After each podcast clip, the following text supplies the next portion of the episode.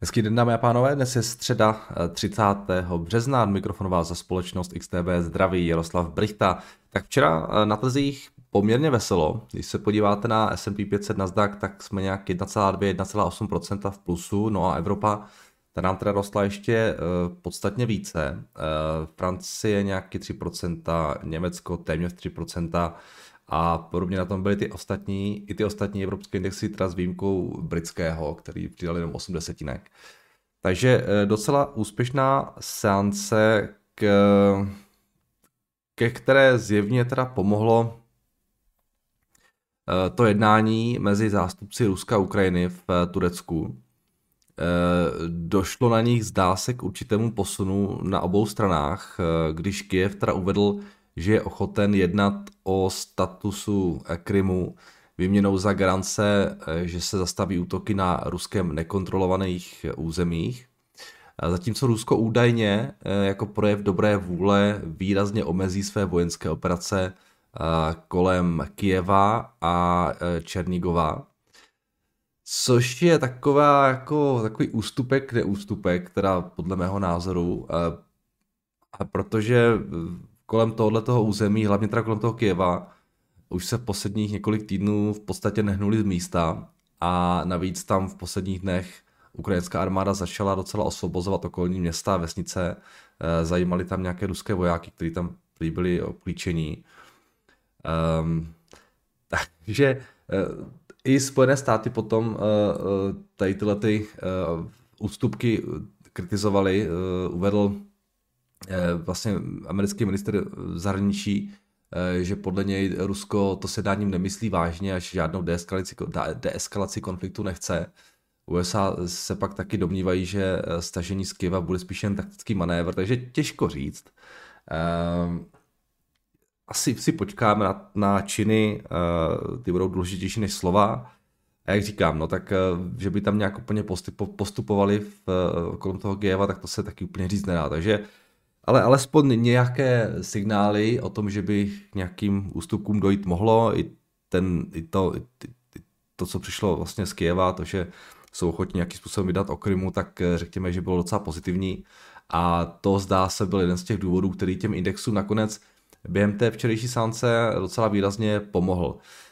Um, zajímavé byla, zajímavá byla i situace na bondech, kde ten risk on docela pěkně srazil ty výnosy z desetiletých dluhopisů, ale jenom z těch desetiletých, protože u těch kratších splatností tam jsme se nějakých větších pohybů nedočkali a dokonce jsme byli svědky toho, že ten desetiletý výnos se krátce dostal uh, pod dvouletý, což se už teda hodně dlouho nestalo. Uh, s tím, že třeba ty tříleté, pětileté, sedmileté, ty zůstávají stále relativně vysoko, 2,49%, dokonce ten tříletý, a 2,43, 2,42 a tak dále, a tak dále. Takže na tom dalším konci výnosové křivky došlo ke snížení, ale ten kratší jen zůstává stále na poměrně zvýšených úrovních, což eh, asi dává smysl, protože pokud by, eh, pokud by eh, došlo k nějakým, nějaké deeskalaci, ta válka, řekněme, třeba skončila, tak ta inflace prostě bude dobíhat a, a v tom dalším horizontu už pravděpodobně bude kratší, takže jo, to způsobuje to, že ten další konec v reakci na ty zprávy ze včerejška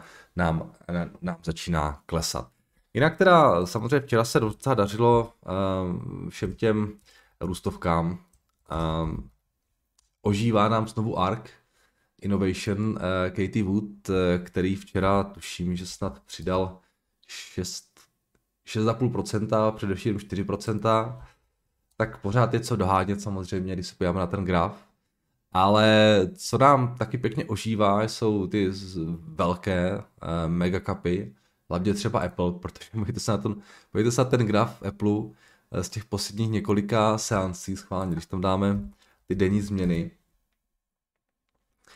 tak co, to je 1, 2, 3, 4, 5, 6, 7, 8, 9, 10, 11 seancí v řadě nepřetržitého růstu a to není růst o pár desetinek procenta, to v podstatě vždycky bylo, nebo téměř s výjimkou 4 seancí to bylo nad procento a bylo tam i pár na 2%, takže Apple uh,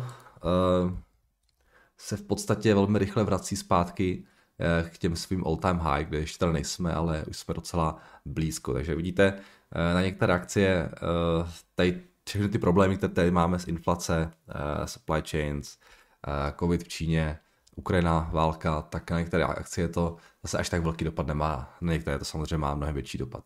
Takže tohle je docela, docela zajímavé, jenom když se ještě podíváme v rychlosti na to, co se dělo na tom S&P 500 indexu sektorově, tak ta situace tam vypadala takhle, rostly hlavně real estate, information technologies, ty přidávali více než 2%, a v těch jednotlivých akcích to vypadalo následně 20% Nielsen Holdings. A tady píšou, že půjdou private. A, OK, Elliot a Brookfield je asi, asi nějak eh, stáhnou z trhu. Uh, EPAM Systems, Pan National Gaming, Ford Motor a CarMax je tam taky pěkné růsty tady u těch, u těch akcí. American Airlines, Mastercard a další a mezi nejvíce ztrátovými Mosaic, Deer je tam, Norton LifeLock, CVS Health, ConocoPhillips, Solar Edge a další. Dobře. Takže to jsou ty nejvíce ztrátové tituly. No, jinak ještě k takým věcem, k tomu včerejšku, co se týká Ruska, tak jak jsem tady mluvil o tom, o tom, že Rusové chtějí ty platby v rublech, eh, tak eh, už i ministři G7 eh, včera docela jednoznačně odmítli požadavek Moskvy na platby za plyn v rublech s odkazem na to, že by to bylo porušení existujících kontraktů. Já už o tom mluvil, včera to bylo, no, ale tohle začíná být fakt zajímavé. Vypadá to, začíná to vypadat zajímavě. Zdá se, že, jak se říká, they called his bluff, a Putin pravděpodobně ale neuhne, alespoň já si myslím, ne, že by byl nějaký jako super odborník na, na Rusko, ale vzhledem k tomu jeho předcházícímu jednání, kdy se prezentuje jako člověk, který v podstatě nevyjednává a, jede dopředu pořád, tak eh, jako nemám úplně pocit, že by měl teďka chuť uh, jít zpátky a říct tak dobře, my budeme brát ty vaše eura, obzvlášť když s těmi, eurama, když s těmi eury a dolary v podstatě nemůžou nic moc dá se dělat. Takže já nevím, jak to čtete vy, ale podle mého názoru se schyluje k tomu, že by se opravdu uh, mohly zastavit kohoutky dodávky plynu do, do Evropy. No, já nevidím zatím žádný jiný východisko, pokud prostě Putin říká, že budou platit v rublech a Evropa říká, že nebudou, tak uh, vidíme, no, teď ve čtvrtek mají prezentovat ti centrální bankéři v Rusku, uh, nebo ta centrální banka v Rusku Putinovi ten svůj plán, jak to mají zrealizovat a ty, ty účty prý začnou chodit a, a uvidíme, co bude dál. No. To mě překvapuje je, je ten zemní plyn v Evropě, který v podstatě na to skoro vůbec nereaguje. Tak já nevím, jestli tady něco špatně čtu, nebo mi něco nedochází. Asi jako nebylo by to poprvé, takže možná jo, ale no, ten zemní plyn nějakých 34 dolarů za MMBTU v Evropě v podstatě za těch posledních pár dnů, kdy ty, ty, to, to, to rozhodnutí Putina bylo oznámeno, žádná velká reakce. Tak uvidíme, no. Uvidíme, jaký bude další vývoj v tomto ohledu. Uh, a to je víceméně všechno, co jsem k tomu včerejšku chtěl. Jo, ještě tady, mám tady prostě špatnou zprávu závěrem pro milovníky kuřecího masa. Včera jsem se dočetl, že podle investičního researche od Evercore nás čeká velká proteinová inflace, Kvůli vysokým cenám zrnin mají prý ceny kuřecích prsou růst v první polovině letošního roku o 80%. A pokud jste ale stejně jako já milovníci stejků, tak mám pro vás dobrou zprávu, protože ceny hovězího mají růst pouze o 20 až 30% Takže informace, bez které byste samozřejmě nemohli žít, eh, eh, tak eh, už jste, vám byla sdělena a můžeme, můžeme ji dát. Podíváme se na Xstation, co se, nám, co se tam dělo na, na FX. Vypadá to, že dolar trošku pod tlakem. Včera v reakci na ten risk on, zdá se, eh, tak nám trošku ztrácel na páru s eurem. Eh, na páru s Librou tady poměrně stabilní sánce a co nám dělal na jenu, no tam nepřekvapivě vzhledem k tomu pádu desetiletých výnosů v Americe, tak taky pod tlakem.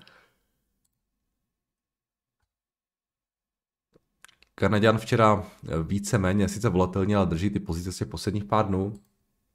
Australan silnější na páru s dolarem, nebo Zeleňan silnější a Kačka nám taky eh, dokázala spevnit. Samozřejmě pokud bychom byli zpětky toho, že se ta nervozita vrátí a, a ty výnosy půjdou zase nahoru třeba, a, eh, tak eh, si asi i tyhle ty pohyby z části nebo úplně celé vrátí zpátky. Eh, zlato nějaký 1926, stříbro 24, tam docela pěkný selov, ale pak se to vrátilo zpátky. takže se plus minus držíme na nějakých 24-25 dolarech. Eh, ropa, eh, podobná situace včera, jako na, na tom stříbře, nejdřív se to hodně propadlo, pak se zase vrátilo zpátky, aktuálně nějaký 105. A, a tohle jsou teda ty indexy S&P 500 nějakých 4600, pořád ještě tam nejsme úplně, ale už se blížíme. K těm all time high jsme nějakých kolik? Už jsme to, už jsme, už jsme pohá 4% pod all time high. DAX, Bitcoin 47 tisíc, Ethereum nějaký 350, nadgas nám trošku klesá. Jo. Nevím, mám pocit, že ten trh tak jako na ty dobré zprávy reaguje trošku přehnaně a ty špatné ignoruje. Vy právě ta včerejší reakce na ta, na ta jednání mezi Ukrajinou a Ruskem. Uvidíme, jaký bude další vývoj v tomhletom, v tomhletom směru. Uh, makrokalendář včera Včera tam byly výsledky spotřebitelské důvěry v Americe, dával lehce lepší, než se čekalo. A dnes tam máme ADP report z trhu práce, může být potenciálně zajímavé, španělský CPI, americké zásoby ropy, finální revize amerického HDP, tak tohle jsou data, která asi uh, budou z těch nejdůležitějších, ale, ale zase asi to nebude nic úplně, co mělo ten trh mít nějaký uh, zásadnější dopad. Tak jo, ode mě je to všechno uh, k tomu včerejšku. A pojďme se podívat na vaše dotazy, které jste mi nechali pod mým včerejším videem. Tak dobrý den, děkuji za vaši práci a přínosné informace. Moje otázka se týká splitování akcí. Ako se projeví split akcí u mého brokera, například Xstation. Eh, například vlastní pět kusů akcie A, která bude splitována formou deku 1. Znamená to, že budeme mať po splitě 10 kusů akcí a jejich cena bude polovičná. Tento split se uděje u mého brokera automaticky. Děkuji za odpověď. Eh, Zeptejte se v XTBčku, ale jsem toho názoru, že v XTBčku všechny splity probíhají tak, že nejsou vypláceny akcie, ale vyplácená hotovost. Už jsme to tady řešili dřív. Je to trošku blbé, ale je to tak. Jinak, eh, eh, ale samozřejmě je to, je to automaticky a je to probíhne to ten den, kdy ten split prostě je, je naplánovaný. Někteří broukři dělají tohle, někteří broukři dělají, dělají, že dají přímo ty akcie, což si myslím, že je určitě jako lepší varianta, ale XTBčku tam má takhle nastavené, že dávají cash. Myslím, že je to u všech, ale nejsem si úplně stoprocentně jistý. Eh, dobrý den, Radoslave. Z začátku moc díky za váš každodenní obsah a věnování se i menším retailovým investorům, za kterého se taktéž považuju. Měl bych na vás otázku. Eh, mohl byste, si, mohl byste mi nějak vysvětlit v krátkosti, jaká je spojitost mezi výnosy z amerických dluhopisů a akciovými trhy, po případě z jakého důvodu se každý den výnosy na bondech mění, co se díky nim dá sledovat nějaké vzájemná korelace s akciovými trhy. Moc díky Filip. Filipe, přesně tohle jsme řešili ve videu z 23.3. Tak se na to, když tam mrkněte, tam je to v těch kapitolách uvedené nějak, a, a když tak dejte potom nějaký doplňující dotaz. No, bylo to řešeno nedávno, takže se mi to úplně nechce opakovat. A proč se pořád mění ty ceny? Tak protože se s těmi bondy obchoduje. Um, takže je to jako u akcí nebo ostatních uh, finančních aktiv, prostě nabídka, poptávka, rovná se cena. Eh, zdravím, Mardo, co si myslíte o akci VBA? Vím, že se jedná spíše defenzivní value titul, ale přijde mi posledních několik měsíců silně podnocený. Eh, Price earnings pod 7 přes 60 let se zvyšující dividenda v současnosti přes 4%. Akce navíc klesla po té, co Amazon získal licenci na prescription eh, v USA. Víceméně si myslím, že vzhledem dosáhlé síti lékáren na každém rohu a silné brand image má VBA stále konkurenční výhodu, díky za super pořad a jen tak dál. To, jsou ty Volkrids, nebo jak se jmenujou? Vteřinku. Jo, jasně. Já je vůbec nesleduju. Snad nikdy jsem se na ně pořádně nedíval, takže samozřejmě biznis je docela lehko pochopitelný asi. Um, ukažte. Docela dost dluhu na sobě mají, uh, prodávají se za nějaký desetinásobek, která multiple, nebo pod desetinásobkem. Free cash flow pěkný, business v podstatě řekl bych stagnující. No, to, prostě dá se říct asi tak nějak jako o inflaci, když tady mají nějaké roky, které jsou lepší, nevím, jestli tam nebo nějaká akvizice nebo, nebo čím to je. Najednou tady mají 35% růst možná budou nějaké akvizice nebo něco takového. Um, řekl bych, takhle z pohled, pohled z výšky, asi stabilní biznis, který tu teoreticky může být ještě docela dlouho, vydělávají pěkný peníze, neprodávají se za nějakou vysokou částku, i když, když se podíváte na to enterprise value, tak samozřejmě ten Jo, už se bavíme o trošku eh, vlastně, no jo, no, oni se prodávají sice za nižší multiple, ale je to prostě taky o tom, že mají 40 miliard dluh na sobě, jo, takže eh, aby ne, aby se taky neprodávali. Navíc stagnují, takže vlastně ve finále to ani zase tak levné být nemusí, no. Asi cena je v pořádku, jo. Ale jo, nenechte se vždycky zmát tím nízkým multiplem, prostě pokud je tam ten vysoký dluh, tak eh, s tím je potřeba taky počítat, protože ten dluh taky se musí platit a, a nebo nějakým způsobem obhospodařovat a veškeré peníze, které ta firma vydělá, tak nejsou pro vás jako pro akcionáře, nebo pro tu firmu, ale hold eh, taky pro ty věřitele. Takže tady trošku dluh, dluh tady trošku těžkne, no.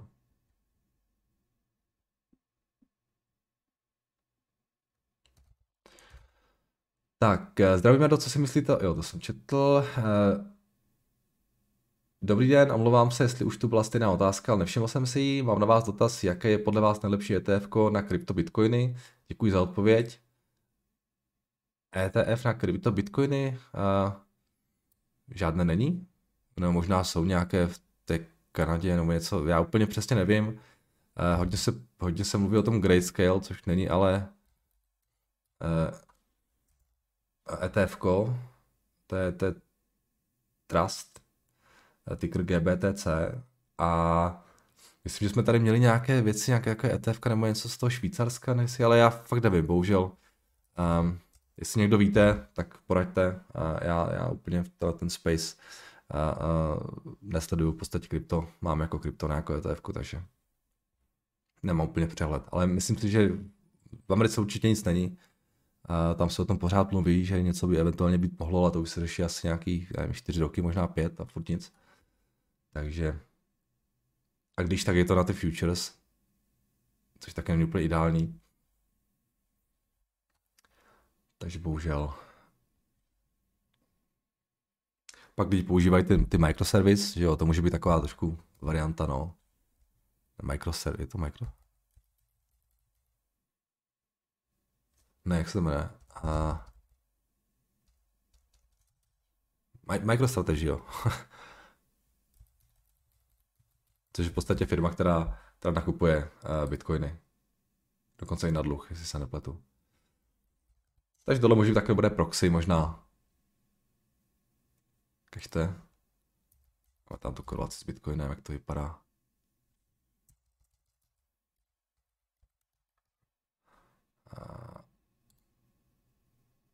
A... Docela pěkně to funguje. Aspoň teda v těch posledních, posledních měsících. OK, jdeme dál. Eh, dobré den, Rado. Mohl byste se podívat prosím do Bloombergu na firmu Stellantis. Dívali jsme se tady na ní přesně před rokem a docela vás zaujala i přesto, že jde o výrobce automobilů, ale v celé, ale v čele se špičkovým CEO Carlosem Taverzem, eh, který toho ve firmě už spoustu dokázal. Přechod na IV už je v plném proudu, staví pět obřích továren na baterie a po spojení z FCAU se nabízí velké úspory z rozsahu a Carlos jako vždy nesklamal, proběhl vlastní, uh, předběhl vlastní plány o několik let. Můžeš se prosím podívat na predikce zisku? Jo, jo, můžeme se podívat. Uh, ty, to si pamatuju. Ty byly teda, zdály se jako hodně levní tehdy. Tam píšu Venda. Vy se jmenujete Venda, tam píšu Venda. Uh, Stellanis.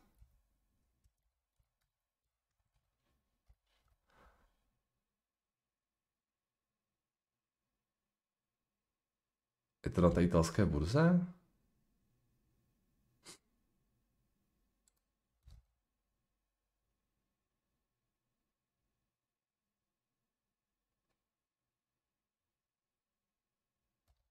Stellantis.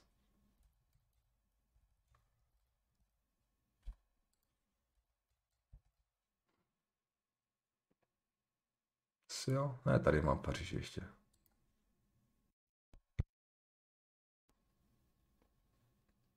Tak, ukaž, tak to vypadá.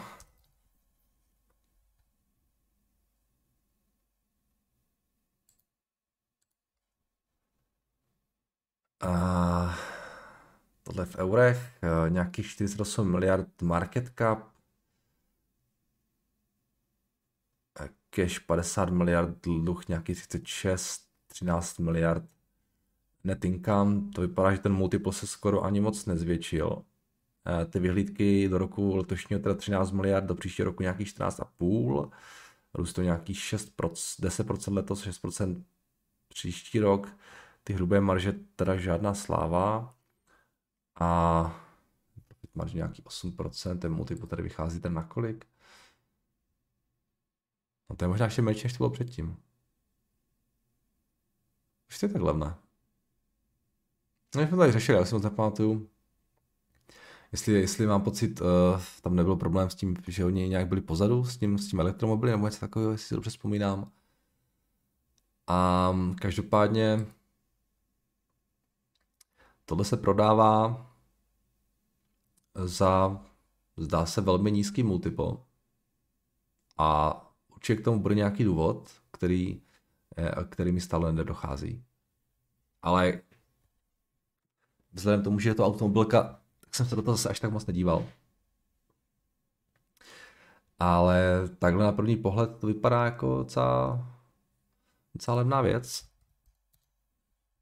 A ta akcie se hodně propadla, asi v důsledku té války na Ukrajině. A teď se to vrací zpátky trošku, z nějakých 17 jsme šli na 13, teď jsme na nějakých 15 a půl.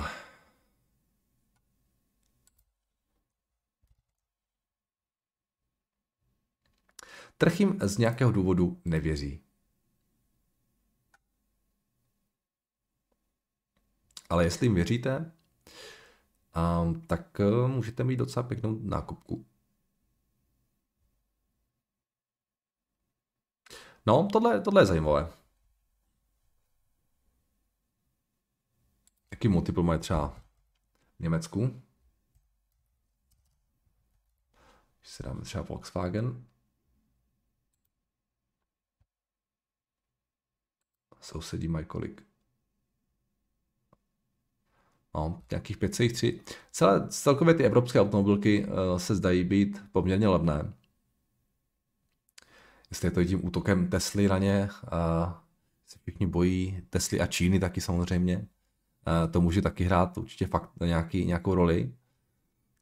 Um, ale vypadá to, že ty evropské automobilky jsou i historicky, když se podíváte na ty multiples, Eh, poměrně levné, vždycky to bylo třeba, no vždycky ne, ale tak kolem těch deseti, pod deseti lehce se drželi.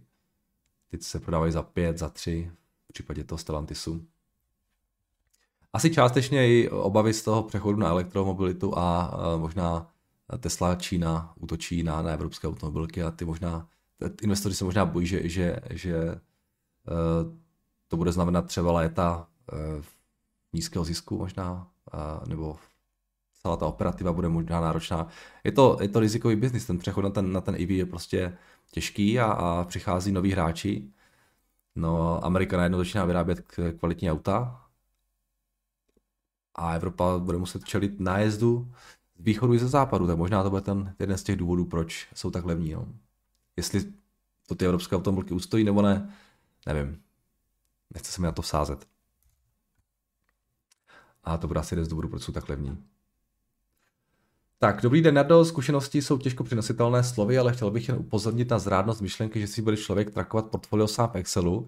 Já sám jsem se do toho jako technicky zdatný člověk pustil, ale je to spousta práce pro, pro jen zlomek užitku, který může nabídnout specializovaná aplikace a zdarmo či za pár korun. Ono to takto na první pohled vypadá jednoduše, nebo si říkáte, že máte eh, malé nároky, ale dejte na má slova, že nakonec ten váš Excel nahradíte něčím lepším. Některé věci se tam řeší víceméně komplikovaně, například párování prodejů, splity, měření výkonnosti za uh, nějaké časové úseky, je potřeba mít snapshoty portfolia v jednotlivých časech, benchmarking, automatické uh, dotahování dividend a další spousta věcí, které bude ve výsledku těm portfolium trackerům závidět. Přesně tak, Lukáši, já už jsem to zjistil. Uh, přesně tohle řeším taky, hlavně ten, hlavně to, hlavně ten benchmark, ne, hlavně ty snapshoty vlastně mi došlo, že, že, že si je musím tam nějak zapisovat.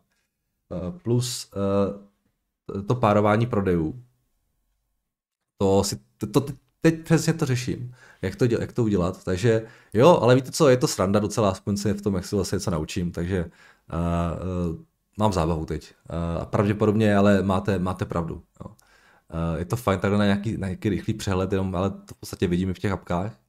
A něco komplikovanější, už je tam komplikované, komplikované. Ale říkám si, je to docela zábava takhle, když mám v čas a nechci pořád čumět do těch, do těch indexů, tak trošku si s Excelem zase eh, seznámit. A, takže proč ne? Uvidíme, jak to bude dlouho bavit. Asi moc dlouho ne, ale, ale uh, je to docela sranda. Zatím. Uh, ale úplně, úplně jste uhodil řebíček na hlavičku, protože zrovna včera jsem to řešil. Jsem se tím lámal hlavu.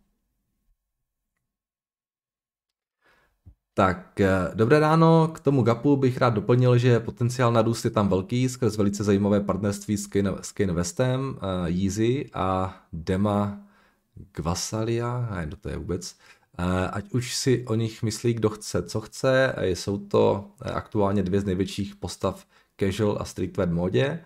Myšlenka spolupráce je vzít nějaké koncepty, které uplatňují ve svých brandech a přinést je do běžně dostupných produktů pro představu obyčejná mikina s nápisem Bella, Balenciaga, stojí okolo 20 000 korun, wow, a e, zájem o ně je v posledních letech obrovský, těžko se tohle partnerství k něčemu přirovnává, ale nebál bych se říct, že je to jako kdyby si inženýři z Bugatti a Porsche rozhodli, že jsou společně, že jdou společně navrhnout e, dostupnou Škodovku. Samozřejmě s, dohle, eh, s ohledem na to, že technologický rozdíl mezi autem a za 10 milionů a 700 eh, tisíc násobně větší než mezi Mikinou za 20 a 1500 korun. A moda je víc o značce trendu eh, než o řemeslných inženýrských schopnostech. Dost tady bude záležet na tom, v jakých objemech hodlágá produkty v této spolupráci produkovat a jak se jim z ní bude dařit zvětšovat celkový zájem i o jejich ostatní produkty. Nějaké první střípky z této kolekce už vyšly, ale ve velice omezené množství, vše pryč za pár minut, což je klasická taktika budování co největšího zájmu. Jo, souhlas. Eh, konec konců byly to, myslím, Nike, kteří taky byli jako docela irrelevantní společnost, až do té doby nezačali spolupracovat s Jordanem, jestli se nepletu. Někdy v těch 90. letech a to je nakoplo, takže klidně může Eh, k tomuto obrození dojít a, a jo, tohle určitě může být zajímavá strategie. Um, proč ne? Díky, rozhodně díky za doplnění. Um, uvidíme. Tak. Uh, dobrý den, co říkáte na akci Timble? Jedná se o společnost zabývající se geodezí, software pro stavby, 3D skenování, BIM a tak dále. Tato technologie jde dopředu a například navádění strojů se stává standardem na stavbách. Předem děkuji za odpověď. Tak já bohužel neznám. Trimble.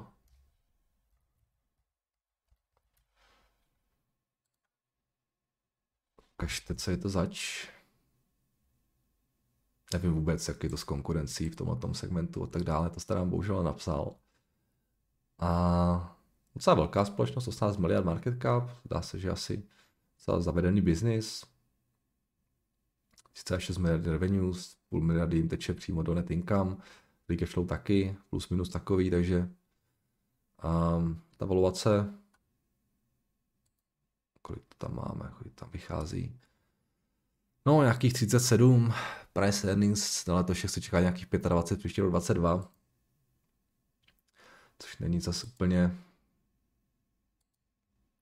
super levné, když to třeba srovnáme s kým, tak s kým bychom tak mohli srovnat. Když třeba s Googlem, tak, eh, tak jsme v podstatě na stejném multiplu při samozřejmě nižším moutu, nižším růstu. Um, řekl bych, Vzhledem tomu, že o té firmě nic moc nevím, tak tady na první pole mi to přijde jako úplně normální. Hmm, valuace, kterých je na tom trhu, jsou stovky. Takovýhle věci. Nějak to, nějak to nevybočuje. Dobrý den, co si myslíte o akci společnosti Kindred, ale jedná se o spin-off společnosti IBM. Uh, eh, oni už to udělali, že jo? Jak je to dlouho na trhu?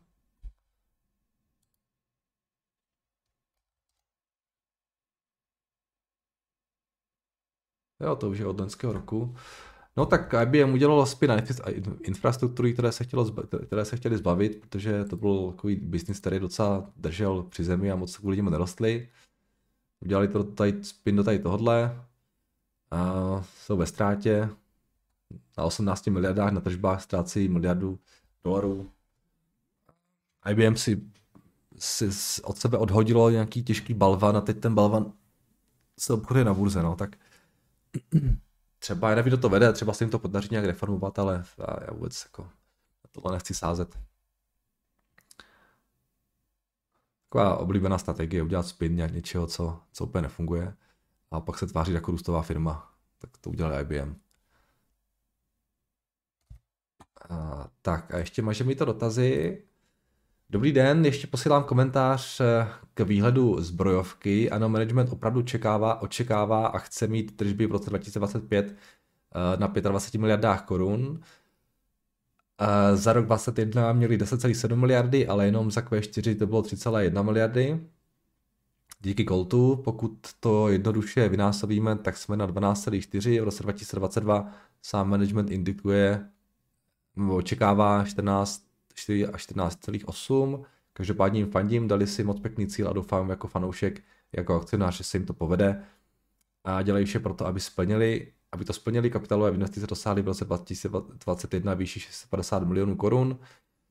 OK, držíme palce, jasně. No, vidíme, no. Tak, uh, Georgi, uh, dejte si uh, někde do kalendáře připomenout v roce 2025, uh, jestli, jestli teda zbrojovka má ty tržby 25 miliard.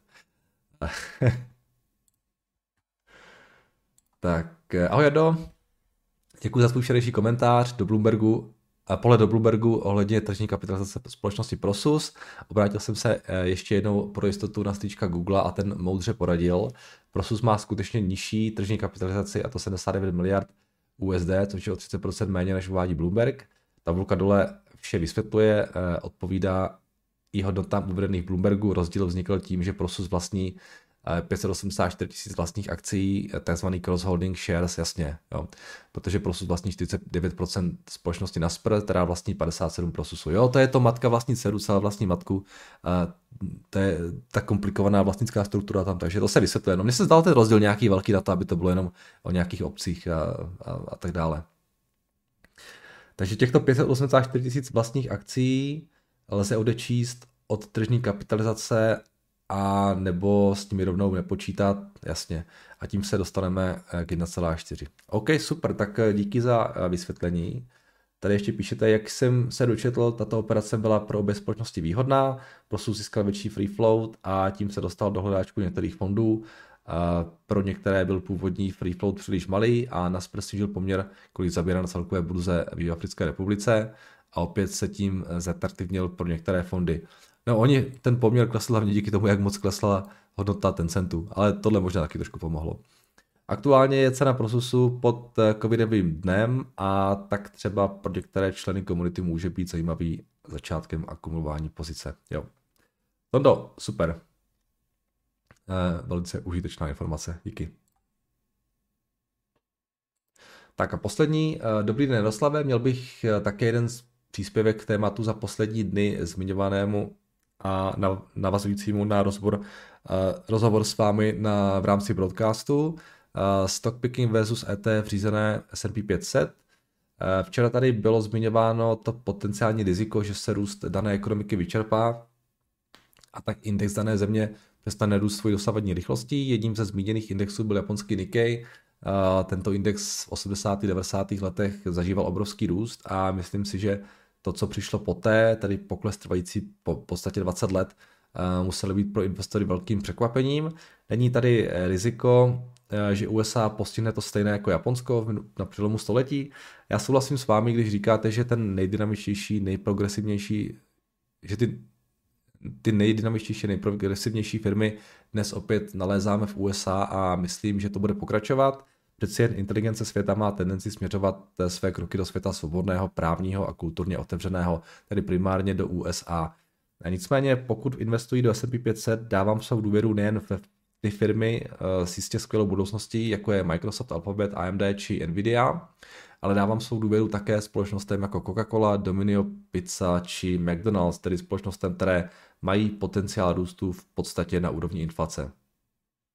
Myslím, že stockpicking může být cestou i pro ty, kteří na komplexní analýzy nemají čas a chuť. Eh, pokud ten výběr eh, provede někdo jiný, kdo má svou kvalitu a možná může, je možné mu důvěřovat.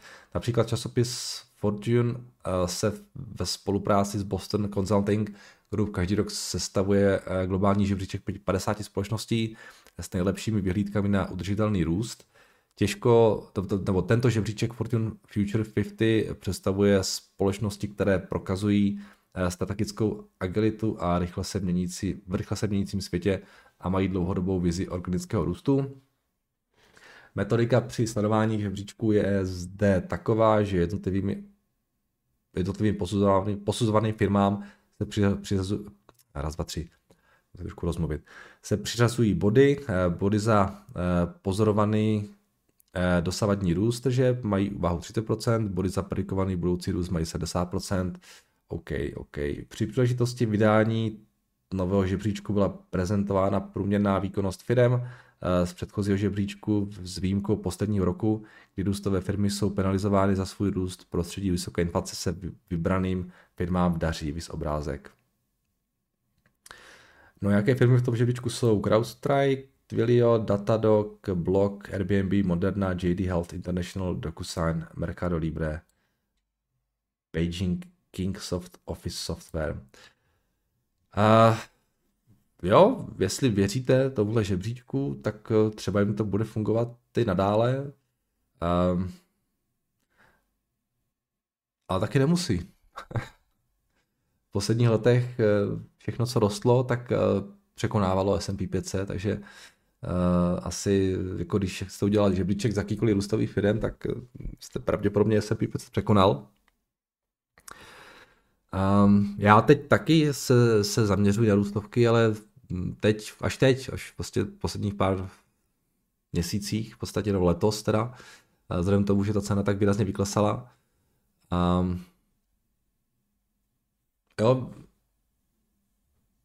tady píšete, že samozřejmě s tím indexem kupujete i firmy, jako, jako je, eh, které rostou o inflaci. No to je fakt. Eh, na druhou stranu právě ten růst indexu do značné míry je tažen hlavně těmi růstovými společnostmi, jo? tam těmi Google, AMD, já nevím, Facebooky, eh, no Facebooky asi už si moc ne, Apple a tak dále, jo? takže nebýt těchto těch firm, tak samozřejmě ten index neroste. Jo?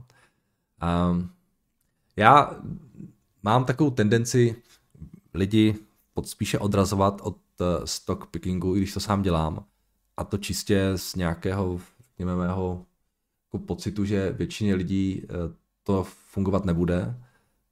Ale samozřejmě, že to já osobně nějak jako nehejtuju. Já si myslím, že pokud tomu dáte ten čas, pokud to děláte dobře, nějakým způsobem odpovědně, prostě nesnažíte se nějak strašně moc tradit, tak eh, že to dopadnout dobře může. Jo.